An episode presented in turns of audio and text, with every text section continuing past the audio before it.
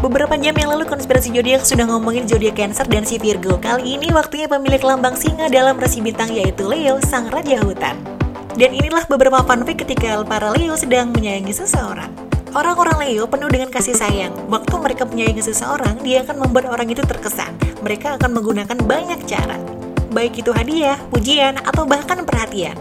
Leo itu suka banget jadi pusat perhatian dan waktu mereka sayang dengan seseorang, hubungan itu akan penuh dengan kebahagiaan. Karena Leo akan melontarkan banyak candaan. Mereka tiba jodik yang sangat spontan, jadi jangan kaget kalau mereka tiba-tiba telepon kamu untuk ngajak jalan. Tapi orang Leo juga pinter banget untuk flirting atau menggoda orang lain. Mereka bisa banget menggoda tapi nggak pernah dilanjutin. Karena Leo cuma suka membuat orang-orang penasaran.